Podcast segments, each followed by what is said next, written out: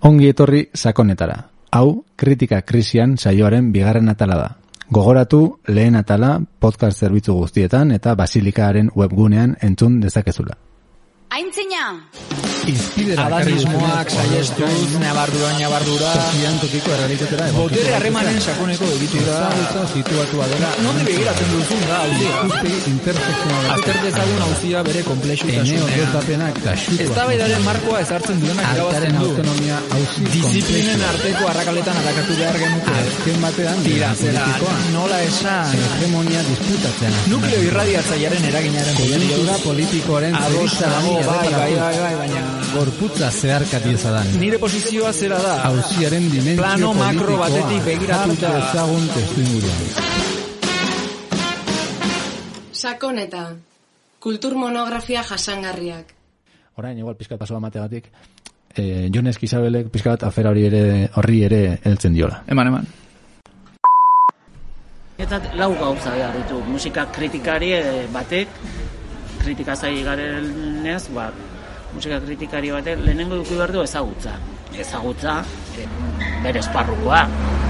Baldin bada euskal musikari buruzko e, e, kritikoa, ba, jakin ezagutu behar du zer egin dan, zer egiten nahi dan eta zer egin dan. Eki behar du perspektiba orokor bat kokatzeko e, obra hori zera baten. E, euki behar ditu, euki behar du irizpidea. Irizpide propio bat, o, bueno, ezagutza horretan oinarrituta, gero behar, euki behar irizpide bat, iritzi bat, e, bereizteko, baloratzeko, eta bere ustez, e, bueno, adierazteko zer dan e, estimarratzekoa, zer dan e, bueno, kontuan ezartzekoa, bueno, irizpide bat, irizpide kritiko bat, edo nork eduki behar duen irizpide kritiko hori azken finean, edo zein musika zalek, e, eduki behar du idazteko estilo bat, idazteko modu bat, ez dut esaten literario izan behar du ni mucho menos, ez da izan behar ez da izan. Eduki behar du ideia horiek adi- adierazteko trebezi bat edo modu bat, ondo idatzi behar du, eta jakin behar du hori gero nola transmititu, nola komunikatu hori. ez? Txari batek euki behar duen laugarren hanka ez, eta da no, lan horrekiko e, ardura edo kompromisoa. Kritikari batek euki behar du lan, egiten duen lan horrekiko ardura edo kompromisoa. Eta horrek eskatzen du e, batzutan egin nahiko ez lituzkeen gauzak egin egitea. Gero sartuko gea, hortarako profesionala izan behar da, edo amateur izan da, edo zaletasun gisa izan da hori ere egin daiteken. No esatea, ba, ni ontatik bizi, nik nire lan hauket, baina nik hartzen dut ardura hori kritikari bezala, e, bueno, ba, agian gusto zeingo nituzken gauzak egiteko, ba, iruditzen zaitalako, sartzen dalako nik egiten duten zerbitzu horren edo nire ze horren barrun, ez? Eta nik talde honen kritika egingo dut, ona edo txarra, eh? Naiz eta nire gustoko taldea ez izan, iruditzen zaitelako disko ni buruz itzin da dela. Iruditzen zait ardura hori norberak hartzea oso zaila dela. Ez pauke inguruan e, hildo berean dijon taldetxo bat. Eta gero, ba, kritiko batek ere, ba, ba nire ustez funtzio, osea, pistak eman behar dizkio ira, gaur, irakurleari edo zea lan hori ulertzeko. Osea, ez da bakarrik gustatu zait edo ez gustau, nik uste, bueno, eskate kokatu behar du lan obra hori testu inguru baten, eh, eh, idazle edo musikari horren kontestuan, ez? Ez da gauza berak idazle horren o, zea lehenengo lan izatea edo zazpigarrena izatea, eskate evoluzioa edo irakurtzen dezunean kritika bat, kritika horrek egile horri buruzko informazio gehiago eman behar dizu, ez? Ara gehiago ez badut ezagutzen eh, idazle hori, ni ba, edo interesa piztu dizu beste liburu batzuk irakurtzeko, edo dare referentziak aurreko liburuetakoak, hoi musikan ez da horren beste egiten, ez da, da hor gehiago igual zea, ez? Ni, ni ustez kritika batek eman behar du liburutik edo obra horretatik aratago pixkat, informazio pixka bat e, gehiago. Zergatik ez dagoen kritika musikalik adibidez Euskal Herrin, ez? Nietzat, zergatik e, ez, da, ez da egon apenas, eta gaur egun ere ez, ez dago, ez? Falta zeigula beste gauza askotan bezala tradizioa, ez? Ez dago tradizio bat, ez? Musikek, musika kritikaren inguruan Euskal Herrin, ez? E, Irurogeiko amarkadatik demagun musika modernoa Euskal Herrin hasten danetik gaur egun arte, nik uste musikaren arloan gutxien eh, garatu den esparrua, hain zuzen ere da musika kazetaritzarena. Nik uste dut hor, eta gaur egun ere iruditzen zaidala sektoreko edo ekosistema edo musika munduko arlori ahulena, ez? Eta, eta orduan, ba, ez da egon eskola, eskola bat, horren inguruan. Eskola esan nahi, eta referentziazko musika kritikari batzuk, ba, nolait eskola bat sortu dutenak, edo, edo nolabait, horren jendeari, ba, e, erakutsi diotenak bidea zein izan daiteken, edo, edo, edo zein dan musika kritikari baten funtzioa, ze garrantzi daukan, egon da, egon da musika kritika, baina, baina egon da ikuspegi oso Esan behar non paternalistatik, baina pizkat igual gogorregia da esatea, ez? Baina bai beti oso beti laguntzearen aldekoa, ez dena laguntzaren aldekoa, ez? Eta hori izan da fuera nagusia, ez? Musika kritika gintzen, ez?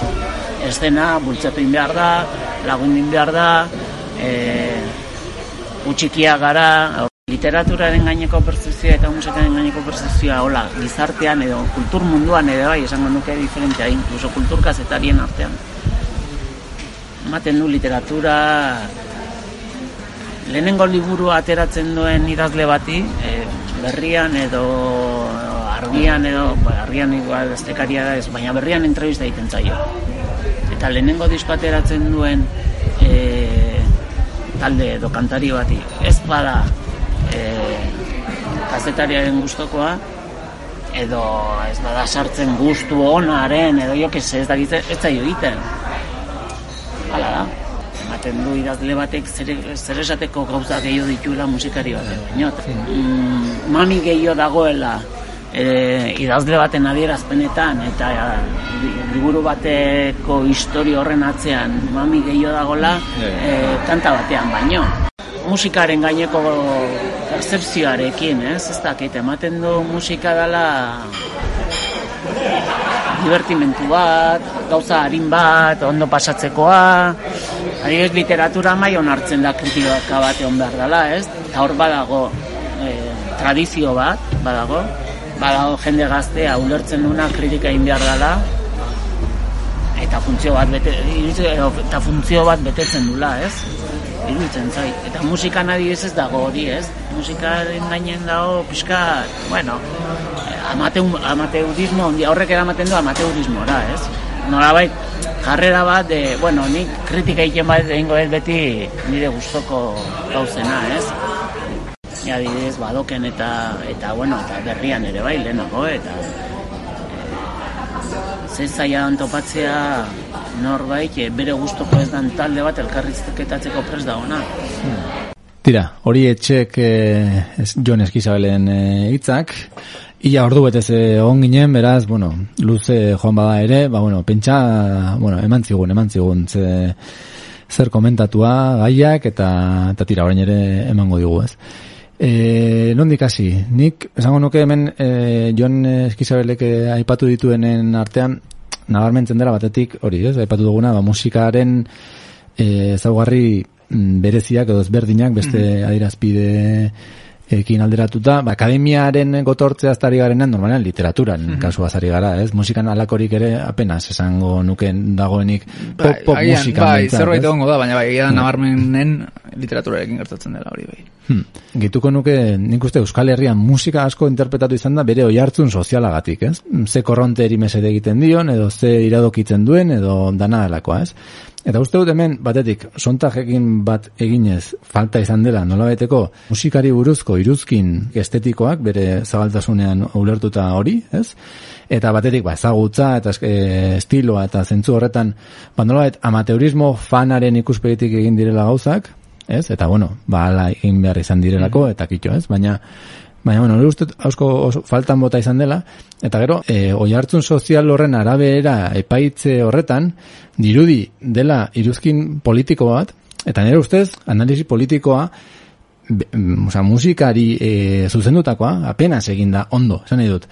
Egin dena asko izan da, interpretatu, nola ez doka mairu zertarako ze funtzio izan zuen mm. gizartean, RRV-ak eta mm. ez dakiz eta o, baina hori ez da azken finean musikaren ekosistemaren inguruko irakorketa politiko bat, baizik eta musika e, artefaktu horiek, ez, bo, kontzertu horiek, disko horiek edo, zeragin izan zuten gizartean, mhm. eta noski garantzitsua dela, baina uste dut Euskal Herrian kasi mugatu garela horretara, ez? Zalantzari gabe, osea, begirada antropologiko bat e, egite artearen gainean, ez? Hori da, hori da pila bat egiten dena eta noski egin behar dela eta hortik ere irakurketa oso interesgarriak ateratzen direla baina ba, kontziente izanik hori bakarrik egiten badugu beste gauza oso garrantzitsu batzuk egin gabe uzten ditugula. Dela hain justu artearen gaineko diskurso bat sortzea eta horren gaineko iruditzen zait hori gertatzen dela musikan baina hori gertatzen da bidez oso nabarmen bertsolaritzan ere bai. Oso kontziente gara bertsolaritzak e, garai konkretu bakoitzean ez? E, testu inguru bakoitzean ze gizarte aldaketek eragiten duten e, generazio aldaketa bat eta bar baina beti irakurketa da gizartearekiko une horretan nagusi ziren baliokiko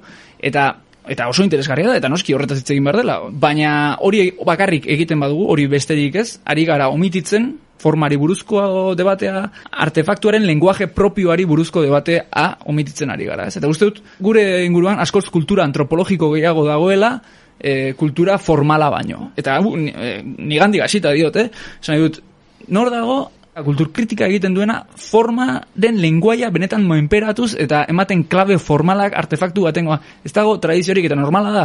Ze hemen ere unibertsitatera joaten magara, apenas dago, uste dut orain gazteizen badagoela masterren bat literaturaren inguruan eta bar, baina eske ez dago tradiziorik, uste dut, gabezia horretaz ere hitz egin behar dela. Hmm. Ba, era bat ados, eta gainera gehituko nuke lehen ez dakit nahikoa sakondu duan ideia horretan, diozune analisi estetiko do formari dagokion horrez gain, irakurketa diozun horiek, ez? Azken finean, adibidez, Nando Cruzera itzuliz, ez, lehen ipatu duan kazetaria, honek dio, kultura gaur egun musika, musikazari denean, erabat aztertzen dela industriaren ikuspegitik, azken finean, adibidez, fruituan soilik zentratzen garelako, ez? Eta horrek esan nahi du, ba, adibidez, diskoa epaitzen dela, diskoa, eta nolabait, hemen pixkat, sontag egin konfliktuan sardaitek edo, dio, soilik e, kritika estetiko batek laguntzen diola lehen aipatu dugun filtro edo presentazio hori egiteari, ez? Soilik bere onurak eta gabeziak e, aurkezte horrek, bueno, nola egiteko aurkezpen da zilegiztatze bat e, egiteko balio duela, baina azken finean bere logika horren baitan, ez?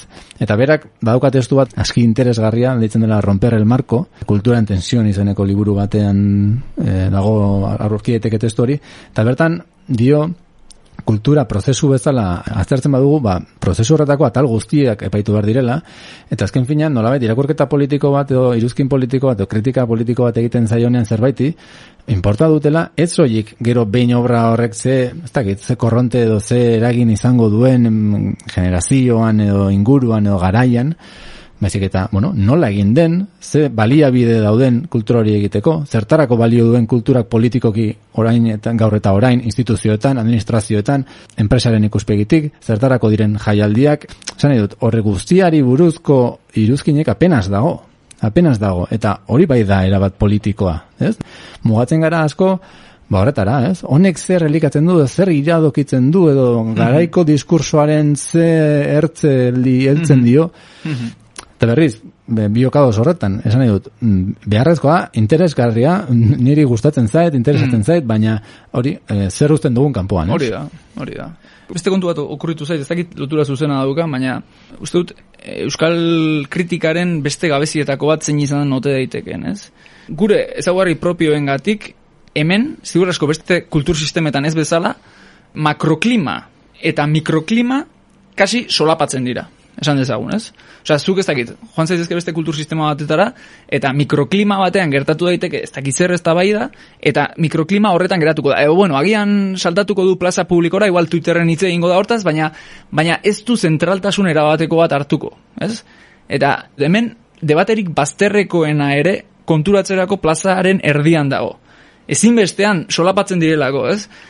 Eta uste dut horrek eraman gaitzakeela da nola esan, proportzionaltasun gabezia batera. Nola, denak momentu batean, ertzertzean gertatu den gauza bati buruz ere, denak ez tabaidan hasten garen, jo, jotzen dugu denak gain interpretatzerak, eta uste dut egin behar duguna ariketa gehiago dela, proportzionalidade kontu bat, konturatzea ez, bueno, hau hemen kokatzen da, eta honen dimentsioa hau da, eta punto ez. Osa, pixkat, gure buruari eutxik beharko baino bezala, ze bestela jotzen dugu zeituan, eta gizema teoria atera txikikeria batetik, segurasko ez tena inbesterako, ez? Ez da, okurtzen zeta adibidez, batzen naiz, azken txapelketan, maialen lujanbiok irabazi zuenean txapela, bueno, bazirudien, segun zer irakurtzen zenuen, eta bazirudien, lujanbioren garaipena zela, ez dakit, Euskal Herriko, ez dakit, klase zapaldu guztien garaipena, ez? Eta, Eta noski, noski Lujan Bioren garaipenak badukala karga simboliko potente bat oraindik ere eta eta hori ukatu gabe inundik inora eta bar, baina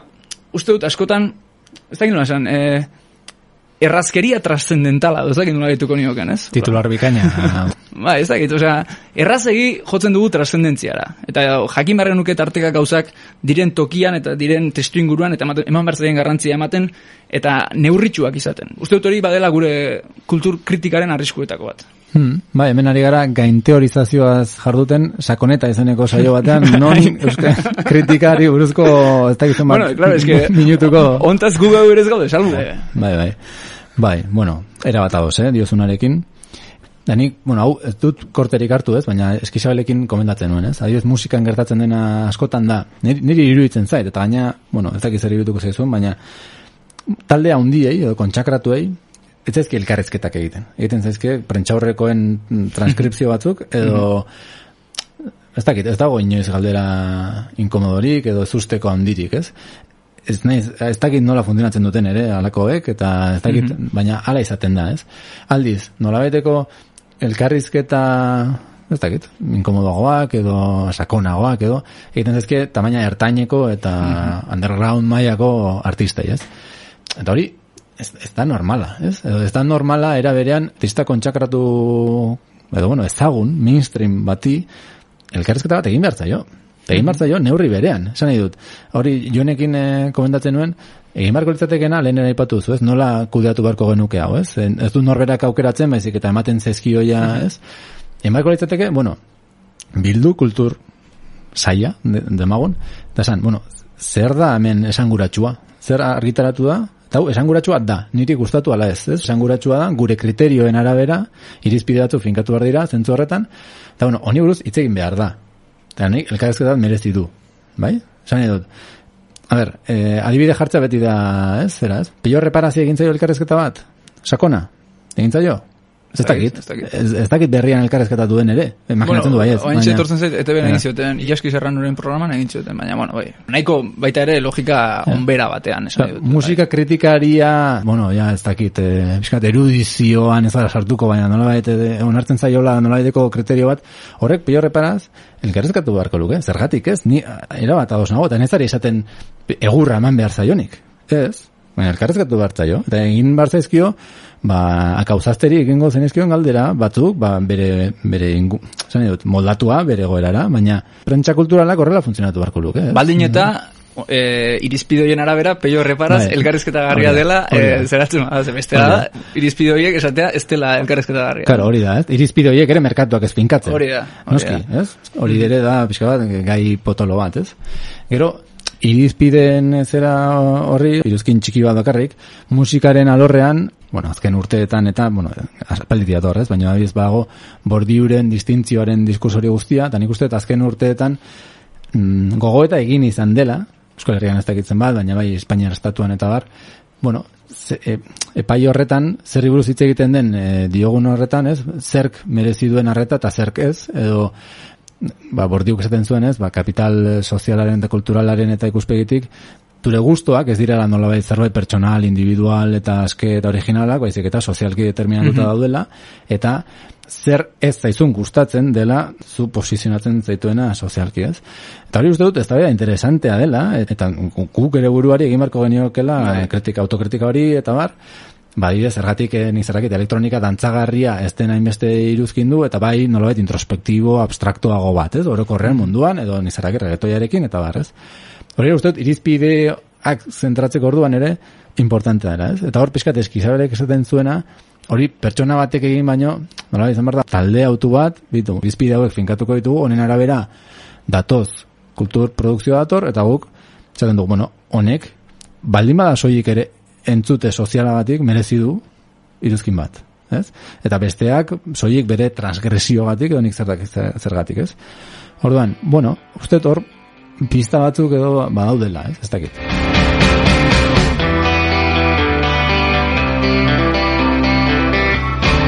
¿Dónde están las mágicas pastillas rojas, verdes y amarillas que receta Chimo Bayo? Si tú las has probado y no quieres decirlo, pero no fue para tanto. ¿Y cuándo, y cuándo, y cuándo arrancaste los postes de los Maiden y de los Cult? Forraste las paredes con flyers de Siroco, te diste el pelo azul. ¿Dónde vas ya con cuarenta y tantos y en primera fila de un concierto de Chinarro llorando y suspirando y esto no es ficción que yo lo he visto y he flipado qué asco, qué asco que piensa tu mujer festivales indies tras la firma de un inglés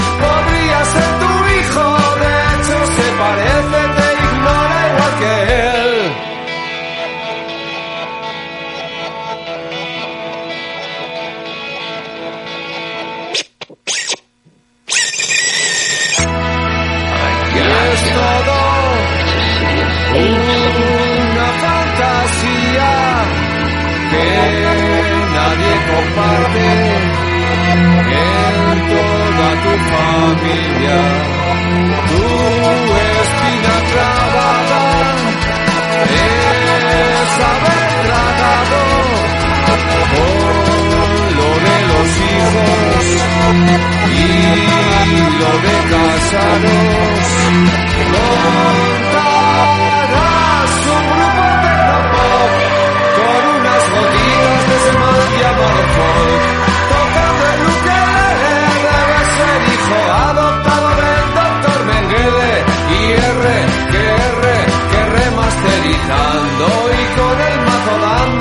tu opción sexual.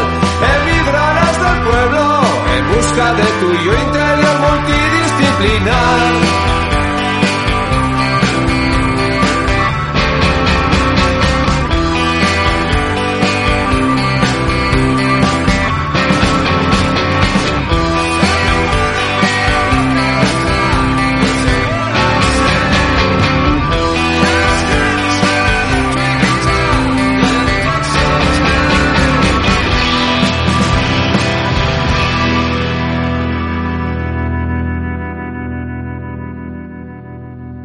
Bueno, orain arte musikaren alorreko bi testigantza entzun ditugu eta orain entzungo dugu artearen inguruko. Aizia Barzenilla, kritikari eta irakaslearen iritzia. Tira, ba, ni arte kritika idazten hasi nintzen, e, berrian eta garan, e, mugalarin zehazki, ba, 2000 eta zazpigarren urtean, eta hori eta gero e, urte batzuk beranduago, ez naiz gogoratzen zehazki, uste dut 2000 eta malau ingurua kritika idazteari utzi, eta eta zutabea idazten hasi nintzen berrian, ez? E, pixka libreagoa dena, ez dagoena lotuta adierazpen artistiko zehatz batekin, baizik eta, bueno, ba, iritzi orokorra emateko aukera ematen dit.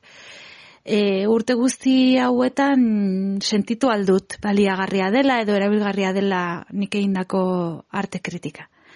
Batira denetariko sentsazioak izan ditut. E, batzuetan baietz esango nuke, iruditzen zait zenbaitetan ba, kulturari buruzko irizpide kritikoa falta dela Euskal Herrian, e, kultura turismoarekin asko lotzen da, turismoak dirua ekartzen du, eta hortaz badiru, badirudi e, ba, kultur kritika egitea nolabait e, sistema ekonomiko baten kontra joatea dela eta bueno, ba, onura ekonomikoak ekartzen dituen sistema baten kontra, ez? Eta alako eztabaidan, horren inguruko eztabaidak e, piztea beharrezkoa dela iruditzen zait eta uste dut batzuetan nire lanarekin hori egin izan dudala, ez? Eta lortu izan dela gai batzuk mai gaineratzea, egin batean behintzat bai.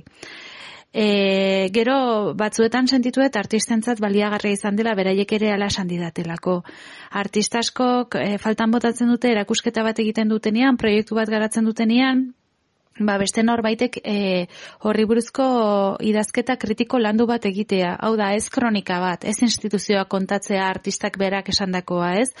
Baizik eta beste norbaitek hori baloratzea, lotzea, beste praktika batzuekin, beste teoria batzuekin, kokatzea momentu batean, momentu historiko batean eta e, pentsamenduaren momentu batean, Eta hori egiten duzunean, e, asko eskertu ohi dute. E, eta gainera baliagarria egiten zaie gero beraien lanari buruzko teorizazioa bultzatzeko edo beraien lanari buruzko ikerketa egiten denean, ba, e, idatzizko iturri batzuk ere bai izateko, ez? E, zentzu horretan bai sentitu izan dut askotan, ba, egiten nituen testuak zerbaitetarako balio zutela. Aldiz, bai sentitu dudala kritika ez dala publiko orokorrera iristen askotan, ez? Bat ez arte kritika idazten nuenean, e, bazalantzan eukan askotan ea e, publiko orokorrari lagungarria egiten zitzaion edo baliagarria dibidez erakusketak ikustera joateko orduan.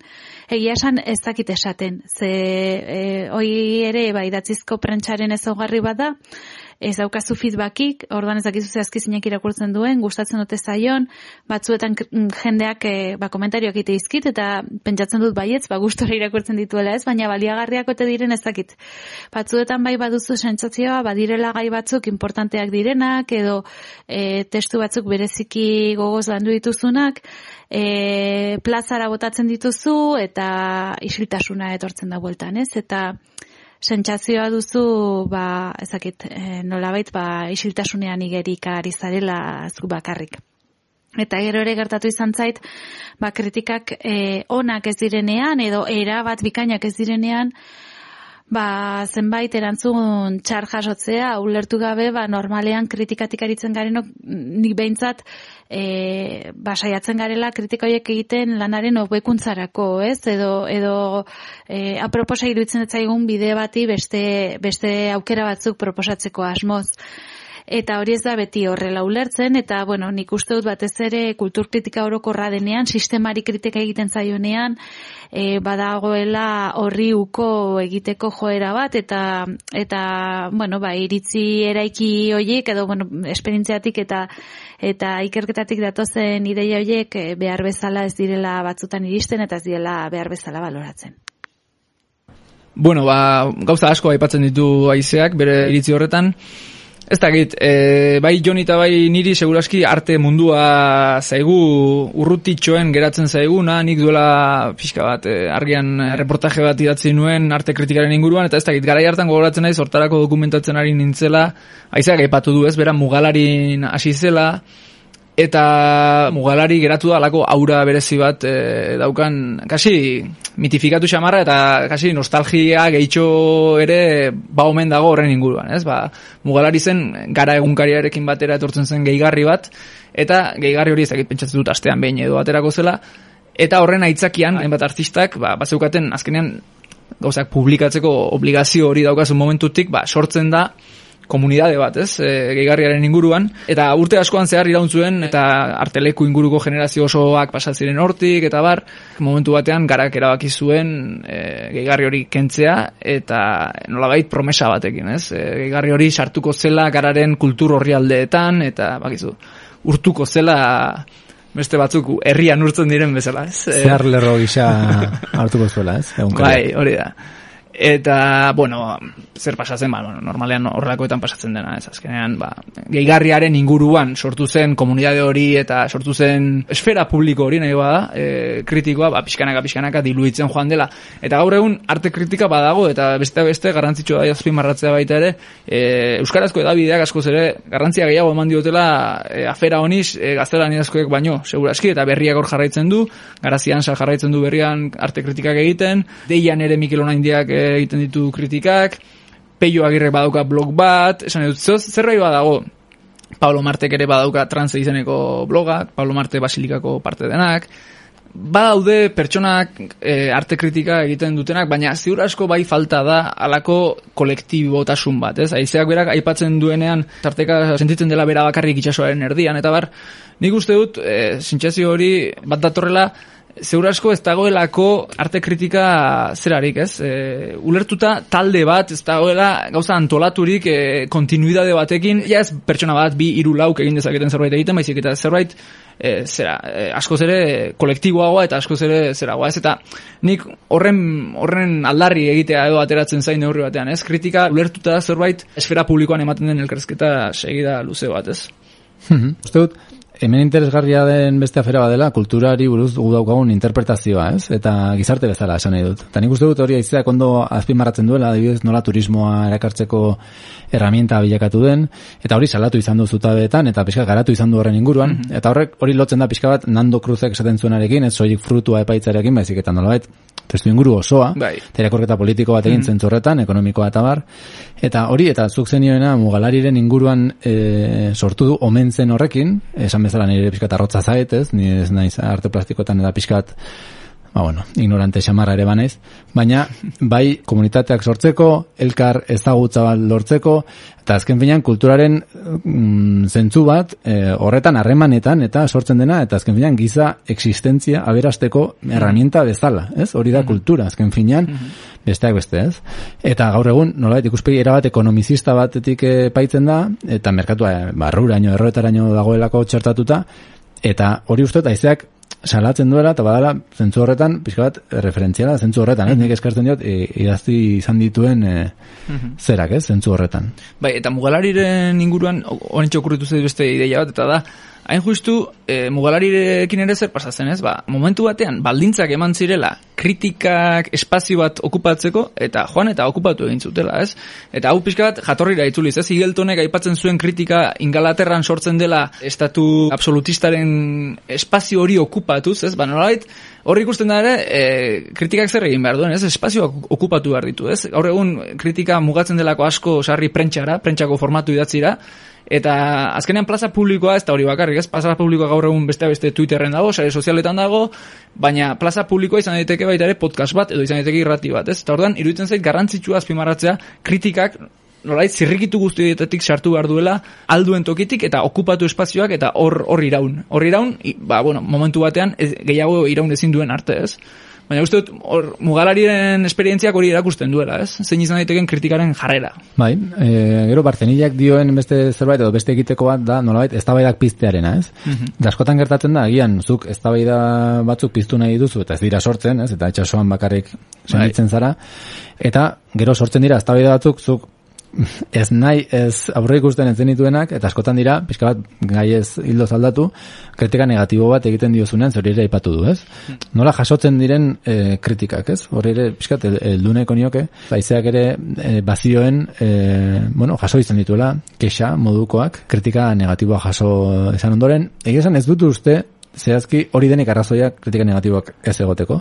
Baina hori ere gertatzen da, ez? Eta nik uste, sare sozialetan ere ikusi esan ditugu adibideak, eta orokorrean, mm. adibidez, lehen aipatu duan Iban Zalduaren liburuan ere jasotzen dira adibide konkretuak, ez? Izen eta bizenekin, eta bar, norbete kuriosidade badu, hor badaude. Eta ez dakit, ez? Nola sentitu izan zaren zu ere zentzu horretan? Ze, gero, egia da, jendeak eskatzen ditula, ez? E, jendeak esaten du ba, kritika negatiboa behar dira. Niri musikariek ere esan izan didate, jo, nik nahi dut kritika negatiboak edo kritika zintzoak egotea e, nik neu jakiteko ea benetan ez dakit, valorazioak ere askotan lagunek egingo dizkizuenak normalean positiboak izango direlako eta nola beti onberakeri horretan ba beti da haupa animo ez ba azkenean ez dakizulako ere benetan, bueno, e, tamainan edo zer ondo, edo bikain, edo zer dena bikain, edo ez, O- orduan e, esan bai egiten da, eta jendeak bai demandatu izan du kritika negatibo behar direla, baina gero jasotzerakoan ez dakit, Bai, a ber, nik ulertzen dut, ez da, osea, kritika negatibo bat jasotzea ez dela erresa, eta askoz erresagoa dela esatea, bai, ni nahi dut kritika negatibo bat, gero benetan datorrenean hori hartuta jasotzea baino, ez? Eta noski, baina humanoa gara, eta hori denoi pasatzen zaigu, inori ez gustatzen, ba, egiten duenaz gauza txarrak entzutea, ez? E, gero, iruditzen zaidana da, kritika negatibo horri balizko erantzun bat etortzen bazaio, normalean pribatutik etortzen da. ez dut sekula kritika negatiborik egin, nola mm. esan hau txarra da, edo ez dakit, ez du maila ematen edo, baina alako zerbaitetik gertuen egon den nire testua idatzi ostean, zorion mezua jaso nituela prebatutik. Ah, bai, Esan ez bezala, bazan garaia, norbaitek kutsi gora bera adiraziko, adirazi zezan hau, ez? Bueno, eta azken iritzi bat ere badukagu zuentzako. E, iratxe erretolaza, irakasle eta kritikariak ere, ba, hause dio, kritikaren inguruan. kulturkritikak askotariko formak, askotariko guneak eta askotariko funtzioak ditu eta ez da erresa ari bakar bati eta jakin bati heltzea. Gainera, gutariko asko, ba, kultur kritikan aritu garen e, asko oso bide ezbedi- ezberdinetatik heldu gara kultur kritikari izatera. Batzuetan bide horiek oso kontzienteak dira eta beste batzuetan e, bide inkontzienteago batetik heltzen gara edo heldu gara kultur kritika egitera. Neurea oso bide inkontzientea izan zen, ibili ala eta aritu ala hartu nuen e, batez ere jardun horren e, kontzientzia. Unibertsitatik asketak e, eraman ninduten nire kasuan kultur kritikara, literaturaren ikerketan e, astearekin batera hasi nintzen e, prentxan ere kulturkritika egiten. Astapen haietan, hogeita bi urte nituela gutxi gora bera, nik neuke akademiako kulturkritikaren lanabesak eta ikuspegiak erabat barneraturik nituen, eta gaur egun e, jakin badakit ez, hogei urteren ondoren, e, gaur egun e, badakit ikasketa prozesu bat e, ere izan da. Lanabes eta ikuspegi horiek e, unibertsitatean e, jaso nituen lanabes eta ikuspegi horiek ba, oso matxistak izateaz gain, klasistak eta e, klasistak ere bazirela, ideologiaz e, blai zeudela, eta estatuskoa iraunaraztea zutela helburu. Bai, unibertsitatearen instituzio neoliberala bera iraunaraztea, bere egitura guztiekin, bai kultur hierarkia klasistak e, iraunaraztea, eta baita e, genero antolaketa jakin bat iraunaraztea. Eta horrekin batera, autoritate kulturala kulertzeko modu bat iraunaraztea ere helburu zutela nik barneratu nituen e, ikuspegi horiek guztiek. Autoritate kultural hori ulertzeko modua gaur egunero oso indarrean da, baita aipatu dituan e, beste egitura horiek ere, eta kasu hortan e, autoritate kultural hori oso lotuta dago genialitate maskulinoarekin, arrazoi moderno kolonialean e, oinarriturikoa, norberaren privilegio posizioak elikatzen dituena, eta bartabar, ez? Askotan inkontziente doagoena hor bor-bor, baina aritu ala ba, pixka bat horiek e, azalaratzen e, direnak. Ohartu nintzen, ez, e, kultur kritikaren mundutxoan e, murgiltzarekin batera, eta orduan ere ezagutu nituen e, barne dinamika zenbait, e, sukalde lan e, ugari, eta ohartu nintzen kulturkritikaren ekimen batzuek ere instituzio politiko-administratiboak e, legitimatzea zutela helburu, ez? Ikuspegi kritikoaz beste egiten zutela nolabait, eta mm, kapital simbolikoaren trukean oinarritzen zirela kulturkritikari loturiko jardun asko. Alakoak batez ere kritika de- akademikoaren esparruan e, gertatzen dira, edo nik batez ere esparru hortan e, ikusi izan ditut, eta prentxako jardun batzuetan ere alakoak em, izan daitezke, baina neuk behintzat e, prentxako esparru hortan e, neurre txikiagoan e, somatu ditut e, alako trukeak esan dezagun, ez? Neu ere, astapen haietan, e, akademiaren bitartez kultur ikuspegi horiek e, jaso nituenez, e, kritika egiten hasi nintzenean, astapen haietan, neure hasierako ibilbidean ere status quoaren konplize izan nintzen. E, oso garbi dut, eta orain ere egiten dudan irakurketa kritiko horren bitartez, ez, e, autokritika horren bitartez, argi ikusten dut hasi nintzenean ere, erabili nituen e, diskurtso moldeetan, jarreretan, moduetan, argi ikusten dut e, estatuskuaren oso konplize izan nintzela eta horre ere sortu zela eta abiatu zela nire ibilbidea. Kulturkritika pren, e, egiten hasi nintzen prentxan, e, garai hartan e, ez nuen espero inor neuk esandako kasu gehiegi egitea, egia da. Orduan ez zuelako inor neure lana ezagutzen, ez da neure ibilbidea edo posizia ezagutzen ere, eta hasi berria nintzelako, ez da. Hasi berria zarenean, edo nik behintzat ez nuen espero jendeak neuk esandako haiei kasurik egitea. Neure sorpresarako nik egindako testuek, nik esandakoek eragin bat izan zuten. Eragile batzuk postu egin ziren eta posten ziren eta hala adirazten zidaten da beste batzuk asorretzen ziren eta hala adirazten zidaten. Beraz, e, poz horiekin eta serre horiekin ohartu nintzen e, neuk esandakoek ere bazutela halako eragin bat. Horrek ere zer pentsatu eman zidan, ohartu nintzelako espazio publikoan ahotsa hartzeak e, edo emateak norbaitek espazio publiko hori nolabait legitimatu doa denean, ez, e, egunkari jakin batean, aldizkari jakin batean, ez. Ahots horrek e, oihartzun bat e, zuela berez, ez, eta ohartu nintzen kapital simbolikoaren e, truke hori ere gertatzen zela norberak nahi ala ez. Jakina kulturkritikak e, alako botere eta truke ez gain, kulturkritikak helburu izan behar du kultur sorkuntzek sorturiko imaginarioak eta forma estetikoak modu kritikoan aztertzea. Eta imaginario horietan eta forma estetiko horietan e, elkarrizketan eraikitzen direnez e, balio ideologikoak, ba helburu izan behar du balio ideologiko horien inguruko ere e, ideologiko estetiko horien inguruko gogoeta kritikoa egitea. Baina egia da horretaz gain, e, kultur kritikaren funtzioak ere izan behar duela kultur instituzioek e, ezarritako edo egon kulturiko ikuspegiak, egiturak, zein harreman motak e, zalantzan e, jartzea. Aritu ala jabetu nintzen e, geruza horiez eta dinamika horiez, eta ikasitakoa desikasteari ekin nion, eta horretan harik naiz eh, gaur egun ere. Horretan oso lagungarria izan zaite kritika feministaren eh, ekarpen multzo osoa, baina baita ere kulturkitikaren eh, botere harremanez eh, diarduten lanak, ez? Eta era berean ez, ohartu nintzen eh, esandakoak, eh, esandakoak etzirela ulertzen nik nahi bezala, ez? Eta askotan gertatu zai kultur kritika egin izan dudanean, e, askotan ohartu naiz, ba nik e, eragin mota bat sortu nahi nuela edo eztabaida batzuk e, piztu nahi nituela edo gogoeta ari batzuk e, ireki nahi nituela eta askotan e, nik esandako horiek ba ulertu izan dira posizio hartzen modura, e, baita markaje modura batzuetan. Beintzat hala adirazi izan didate ba, batzuek e, ondoren e, ba, nire testuak nola ulertu dituzten kontatu izan diatenean.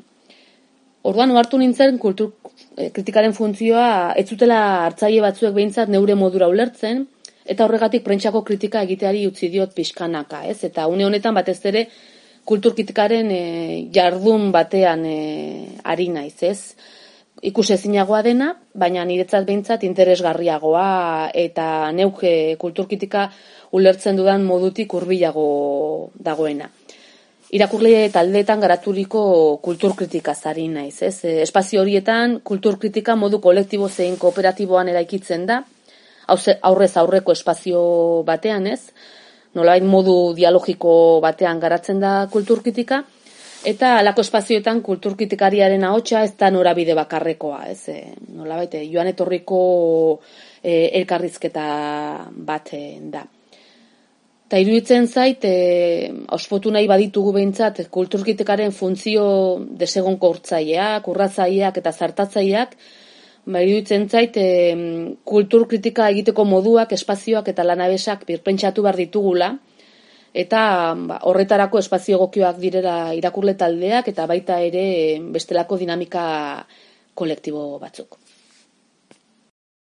Tira, ba, hortxe entzun duzue iratxe retolaza irakasle eta kritikariaren iritzia. Egia esan gauza asko eta oso mamitsuak aipatu ditu eta ez dakit gai izango garen guztiak errepasatzeko. Baina edonola ere, lehen igeltonekin aipatu dugu esfera publiko humanista hori nola printzipioz aspalditik e, krisian sarturik dagoen. Eta iratxe gogorarazten digu, ba, oraindik ere arrazoi unibertsalaren izenean ze balio eta ze ideologia perpetuatzen diren oraindik ere ez kritika krisian dagoela aipatzen ari gara behin eta berriro, baina egia da, ikuspegi feminista batetik ere, krisi hori interesgarri izan daiteke bestelako kritika batera aspiratzeko, ez? Sontajek esaten zuen, e, berarentzat, orain kritikak egin behar duena batez ere desikaste ariketa bat dela, eta desikaste hori zentzumenekin lotzen zuen formarekin, iretxek esaten diguna aldiz da, desikaste horretan ere, ba, balioak eta eta kanon ezarriak eta bar desikasten ere nahiko lan badukagula, ez? Eta kritikan aritu izan garenok ere askotan erori garela ilusio horretan, ez? Egiten ari zarena benetan berdinen arteko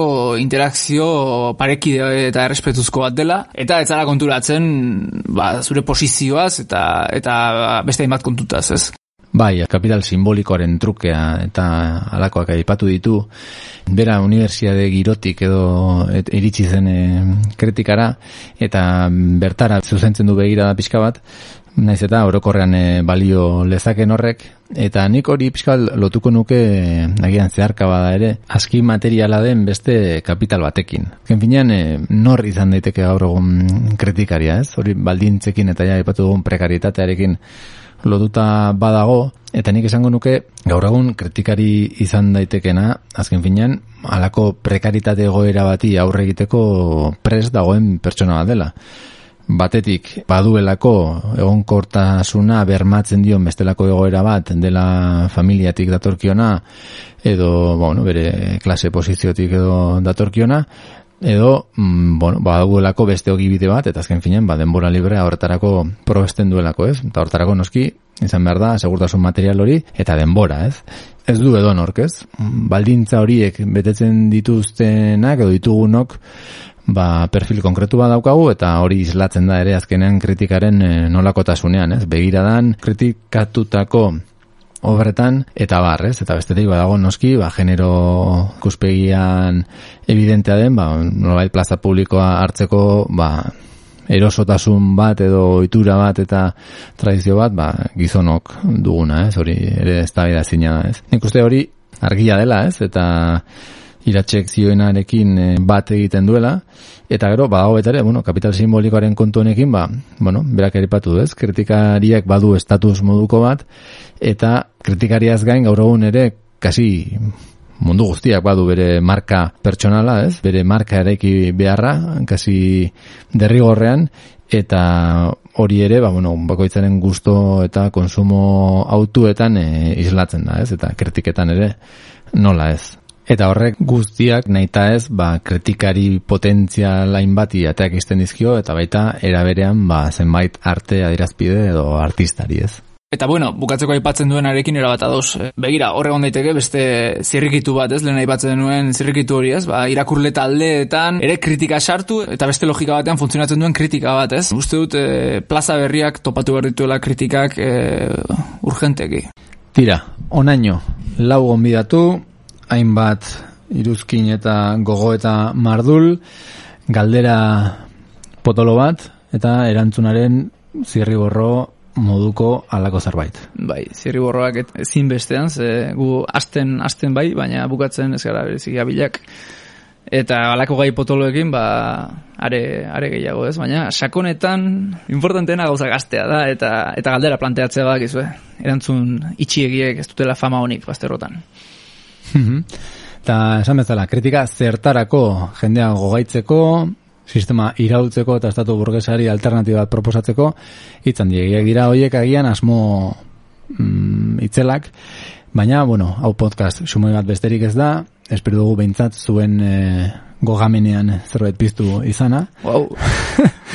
Bapateko hori ere, eta koz gehiago ezin esan, gure gonbidatuei eskerrak eman noski, saio berriak etorriko dira, gogoratu basilikan eh, beste hainbat podcast ere baditugula, bi astean behin berri bat. Hori da, gainera orotariko eskaintza daukagu, bainat zerasolak eta gorka bezi hartuak zelanda berrian literaturaz jarduten dute, Satxa jauregik eta irati urrestarazuk berdela egiten dute eta bertan okela sormen lantegian antolatzen dituzten erakusketen aitzakian aritzen dira, gehienetan bertako artistekin hizketan.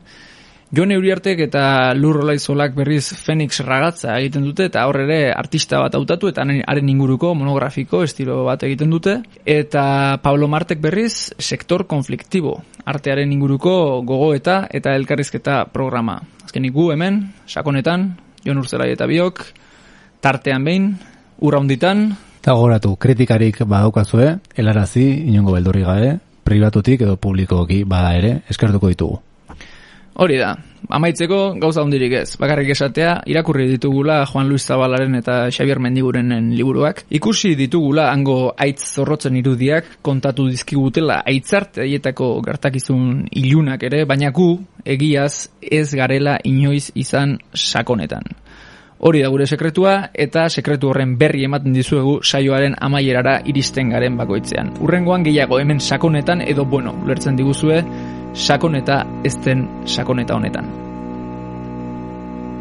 Judizio generalaz nola horit ez dira. Bekatuan bizi dira beti bere aixira Egun hartan galezkiten aitzinetik begira bidean ez dukegu ehorrek ere aizina arza zuntza hori handida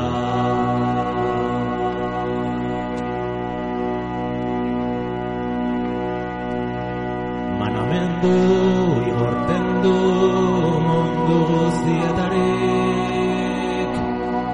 Jende oro bat dakion Josafaten bildurik Egon ere horrere eskapatu gaberik. Zeru eta lor guztia daude ikaraturik. Zeru eta lor guztia